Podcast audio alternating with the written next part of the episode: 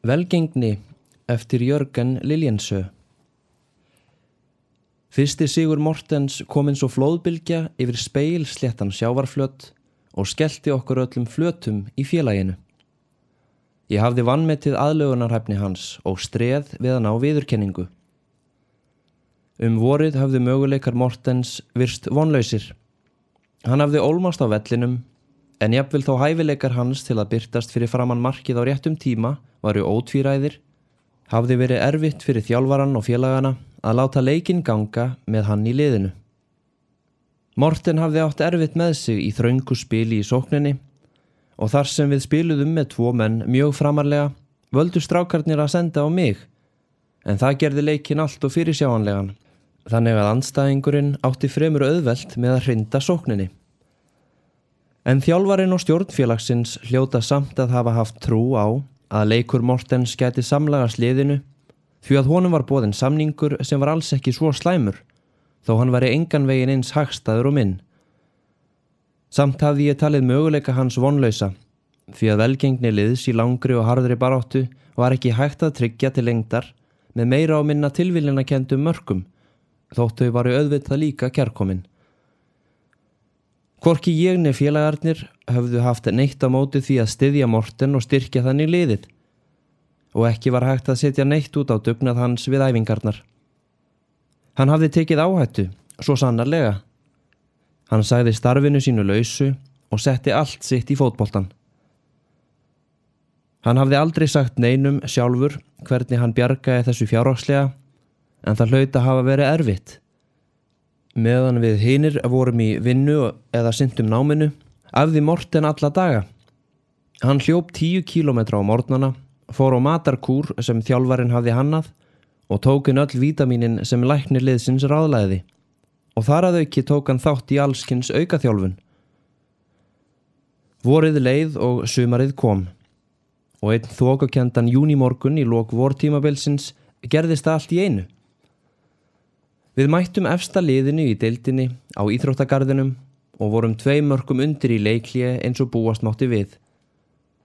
Í miðjum setni halleg skoraði Morten eftir langa sendingu frá hagri bakverði og tíu mínutum síðar var hann á réttum stað í þvögu fram með markið og skoraði hefnismark. Þegar hér var komið voru við hæst ánæðir með að ná óvæntu í aptefli en Morten vildi hafa það öðruvísi. Mér tókst að þvinga vörn andstæðingana í horn. Ég tók hornspyrnuna sjálfur, sendi löst skotað nærstönginu þar sem Morten stökk upp og skallaði í netið. Þrjú tvö. Þannig endaði leikurinn og tippararnir auððu súrir. Íþróttafréttareitararnir voru auðvitað í gardinum til að verða vitni að því þegar toppliðið rústaði okkur. Dæin eftir voru íþróttasíðunar fullar af fyrirsögnum sem allar voru um markaháttíðana í íþróttagarðinum og um það hvernig Morten braust í gegn. Ég var ekki einu sinni nefndur í sambandi við hortspyrnuna sem gaf okkur síðasta markið. Í síðustu tveimur leikjónum á vortímabilinu skoraði Morten aftur og við unnum báða leikina. Sumarfríið var kær komið. Mér langaði að gleima öllum fótbolta og naut þess að fara út með mónu og að þekkjast sem en snjalli framherji og knattspyrnu hetja á diskotekunum í Kaupmannahöfn. Einu sinni ringdi markvörður liðsins sem ég hafði spilað með síðan við vorum smástrákar.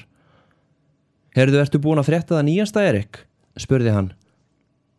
Er Birgir nú búin að komast að því að vegum að fara að geta úlvakjött frá með morgundeginum? spurði ég og vísaði þar með í tröllatrú þjálfarans okkar á mikilvægi mataræðisins í sambandi við frammeðstöðu í Íþróttunum. Morten er búin að fá nýjan samning, sagði hann rólega. Ég fekk næstum á tilfinninguna að það væri verið að hella ísmólum niður eftir bakinn á mér. Þú ert að ljúa, ekki satt? Nei, alls ekki. Það barst til erna stjórnarinnar í félaginu að einhver af efstu liðunum í deildinni hafi átt í viðræðum við Morten svo að okkur mannum þótti rétt að gramsa þens í peningaskapnum sínum. Er þetta ekki umhugsunar efni fyrir suma? Það gæti verið. Þegar ég hafði lagt tólið á, fannst mér eins og það væri hnútur í maganum á mér sem stækkaði og stækkaði og væri harður eins og steinn. Á mánudeginum byrjuði æfingar á ný. Jafnliða henni erfiðu þjálfun byrjaði Birgir á einhvers konar andleiri uppbyggingu fyrir haustímabilið og þá erfiðu leiki sem þar byðu okkar. Við vonuðumst til að ná það góðu sæti að við gætum komist í tótókeppnina á næsta ári. Næsta áru vildu við líka taka þátt í baráttunni um gullið. Þetta var markmiðið. Til að fylgja áalluninnin eftir átti liðið stöðugt að fara að þólmörkum, bæta sér stöðugt og um leið og einhver af félagunum færi eitthvað að dala er því honum skipt út. Byrgir sagði okkur að félagið hefði í sumarleifinu keft eldsnöggan bakvörð í annarar deildarfélagi og þetta veri liður í nýri hernaðar áallun. Það var í búið að ákveða að ég ætti að færi mig aðeins aftar á völlin sem uppbyggjandi leikmaður eins og Byrgir orðaði það. Leikurinn átti núna að snúast um Morten og ég átti að skapa pláss fyrir hann en hinn nýju og snöggi bakvörður var síðan leinimopn sem átti að þjóta fram og valda usla í vörn anstæðingsins. Ég átti frá upphafi erfitt með að finna mig í þessu nýja kerfi. Sjálfströstið minkaði um leið og sjálfströst Mortens jógst. Þegar ég fekk tækifæri til að skora í æfingjaleikjunum hikaði ég og vissi ekki hvort ég ætti að skjóta sjálfur eða finna samherja, sem yfirleitt var þá Morten. Morten var alltaf sangjart og reyndi að spila mig frían ef ég var vel staðsettur, að það varði að játa, en það kom aldrei neitt út úr því, þannig að ég geti notið mín og steinnin í maganum let vita af sér. Þetta er eitthvað skrítið, sagði Birgir í búningsklefanum eftir æfingaleg þar sem ég hafði misnotað þrjú færi og nokkra aðra þokkalega möguleika. Þetta er eitthvað ansi skrítið, endur tók hann og horfið rannsakandi á mig. Hvað í óskopunum hefur komið fyrir því í fríinu? Ég flegði af mér pjöllunum, kastaði þeim á bekkin og fór inn í sturtuklefan án þess að svara.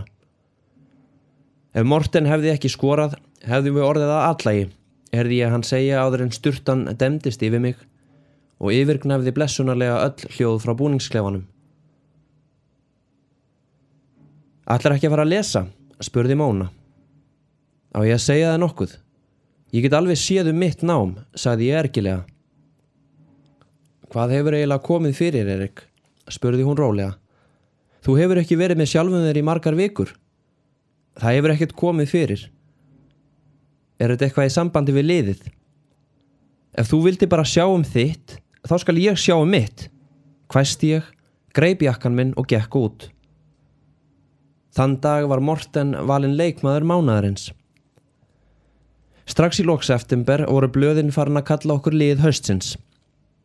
Það var samt svona og svona með árangur minn og daginn eftir hvert leik satt ég lengi og horfi á blöðin. Bæði forvitinn og hrættur við að fletta þeim. Aftur og aftur rétt ég fram höndina til að grýpa þau en í hvert sinn fann ég upp á einhverju öðru. Ég snýrið þeim við þannig að baksíðan vissi upp, raðaði þeim eftir starð eða gerði eitthvað annað kjánalegt. Hygg stafaði af raukstutum grunn um að ég myndi aftur sjá nafn Mortens með stórum, þykkum, svörtum stöfum á íþróttasíðunum. Ef Móna kom inn og sá mig sitja með bladastaplan, rökki ég kút eins og ég hefði verið stungin af geitungi. Og hún sagði aldrei neitt. Horði bara á mig áhyggi full á svip. Og það gerði það að verkum að steinnin í maganum veldist og orsakaði heftarlegan verk. Tveir úr liðinu voru valdir í pressuliðið til að spila við landsliðið. Annar var markmaðurinn, hinn var Morten. Í fyrra hafði það verið ég, en þetta árið var ég ekki einu sinni nefndur sem einn af þeim líklegu. Morten stóð sig frábærlega. Hann skoraði tvö mörg, í blöðunum var hann kallaður fundur ársins og nýliðin sem danska fótboltan hefur vantað svo lengi. Við enduðum í fymta sæti í deildinni. Besti árangur sem liðið hafði náð í 15 ár. Eins og vanalega var haldið lokahóf með stórri háttíð og dömum og í þetta sinn hafði félagið tekið á leigu stærðar sal á þekktu veitingahúsi aðeins utan við borgina. Og eins og vanalega voru haldnar endalösa ræður undir borðum og þær eruðu æg andríkari eftir því sem minkaði í glösunum. Formaðurinn þakkaði þjálvaranum, þjálvarinn þakkaði formanninum og stjórninni og allir þökkuðu Morten. Eftir matinn var dansað í salnum við hliðina. Ég var í slæmu skapi og gekk ákveðnum skrefum í áttað barnum og þóttist ekki heyra þegar Móna bað um dans. Meðan ég satt þarna og let mér líða illa, tók ég mér til undrunar eftir Morten sem sveiplaði fætunum yfir auðan barstól við hliðin á mér. Herðu, Erik, mér langar að þakka þér fyrir það sem þú hefur gert fyrir mig á tímabilinu, sagði hann. Gert? Hvað í fjáranu meinaru? sagði ég hranalega. Jú, ég hef haft hvað eftir annað á tilfinningunni að þú hafið fórnaðir fyrir mig, sagði hann dáliti vandræðilega. Já, við að þú hefur verið í framlínunni síðustu misserinn og, jú, margir myndi móðgast yfir að vera teknir aftar á völlin. Þú skalt ekki vera að hugsa um það, sagði ég með hásri rött. Ég spila þá stöðu sem ég er settur í. Já, já, en samt. Mér fannst nú að ég erði að þakka þér og hínum meðvita líka fyrir landsliðstöðuna landsliðstöðuna ég næstum stamaði þessu upp. Nú ertu kannski ekki búin að frétta það sagði hann alvarlega. Það er búið að velja mig til að spila á móti Austuríki auðvitað vissi ég vel að pressan og allir höfðu í setni tíð krafist þess að Morten fengi tækifæri með landsliðinu. Ég herstu upp hugan og óskoðan honum til hamingju en baðan síðan að hafa með afsakaðan og leti eins og ég þurfti nöðsynlega að komast á klósettið. Næstu dagana var á íþróttasíðunum svo til engöngu talaðum hinn að nýju stjörnu í danski knatsbyrnu. Orðrómur fór á kreik um eitt belgist risafélag og tvö vesturþísk sem hefðu áhuga á Morten sem sjálfur vildi ekkert gefa upp og setti bara upp óræðan svip. En skömmu fyrir landsleikin við Östuríki skrifaði Morten undir stærsta samning sem gerður hefur verið við danskan leikmann. Tveimur dögum fyrir landsleikin við Östuríki herði ég alvarlega rött í útvarpunu segja frá sorgli og atviki. Morten, skærasta stjarnadanska knatsbyrnu, beigð bana á þýskri hraðbröð á leið til Östuríkis. Fyrst held ég að þetta væri miskilningur En þá myndist ég þess að Morten væri haldinn flugræðslu og að hann hefði ákveðið að aka sjálfur þessa leið. Ég horfið eins og lamaður á styrjogræðunar, rendi augunum frá hægri hátalara til þess vinstri og aftur tilbaka. Steinin í maganum kvarf og á stuttu en hræðilegu augnabliki upplifði ég einhvers konar fagnadartilfinningu sem allir mér jafn miklu áfalli og sorgin yfir döða Mortens. Mér varð ljóst að ég myndi aldrei verða samur maður eftir þessa upplifun. Landsleikurinn var leikinn þrátt verið þennan sorglega atbyrð. En dönsku leikmennir báru svart armband og í ljósi aðstæðina var að alveg til bladana vel gert að komast frá leiknum með knöppu tapi upp á 1-2. Morten let eftir sig tvítu á konu og fjögur á mánuða dóttur. Félagið okkar tók strax til sinna ráða með lofsverðu framtæki. Það var ákveðið að leika á móti þýskuliði sem var skreitt stjörnum frá Danmörku. Ágóðin skildi renna til fjölskyldu Mortens og Birgir fekk tækifæri til að prófa nokkrar hugmyndir sem hann hefði gengið með. Ég mætti tímanlega eins og ég var vanur en samt voru allir félagarnir komnir inn í búningsklefan. Elstu leikmennir stóðu og röppuðu saman Þeir yngri sátu á bekkjunum og hristu fótleikina til að slaka á spöntum lærföðunum. Stuttu setna kom þjálfarin, sjúkraþjálfarin og allir stjórarnir. Birgir baðum augnabliks þögn og kunn gerði síðan niðurstuðu næturlangrar að djúprar hugsunar.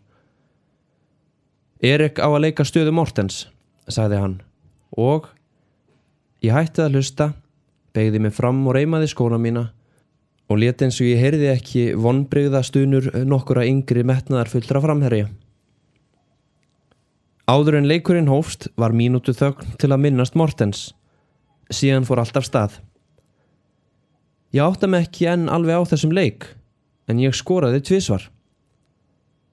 Í blöðunum daginn eftir las ég að félagið okkar hefði list framlínu vandan, þar sem einn gamli framherji, Erik Hauberg, hefði fundið tónin aftur og að hann hefði spilað leik lífsíns. Sama kvöld meðan við Móna sátum og borðuðum í litla eldúsun okkar ringdi símin. Ég skal svara, sagði hún og hljópin í stofu. Það er Birgir, sagði hún. Hann þarf endilega að tala við þig. Já, það er ég, gelti ég í síman. Hlustaði nú gamle minn, sagði Birgir. Þú veist að ég hef alltaf barist fyrir mína leikmenn. Hér gerði hann mikilvægt hlýja. Ég fengi félagið til að bjóða þér betri samning næsta tímambil. Hvað segir um það? Ég segi bara það að ég er hættur að spila, sagði ég og tók ákverðunina á þessu sama augnabliki. Hættur að spila? Hvað í óskopunum áttu við? Ég er hættur að spila með úrvalstildinni, sagði ég og fannst mér í fyrsta sinn í heilt ár líða bærilega. Hérna í frá getur þú fundið mig á meðal lullarana í þriðutild, bætti ég við og lagði á. Þegar ég snýri mér, rakst ég næstum á mónu. Fekk þetta með Morten svona mikið á þig? spurði hún. Það er best að orða það þannig að ég er búin að losa mig við tilfinningu sem ég vil aldrei upplifa aftur. Hvað sem ég bóði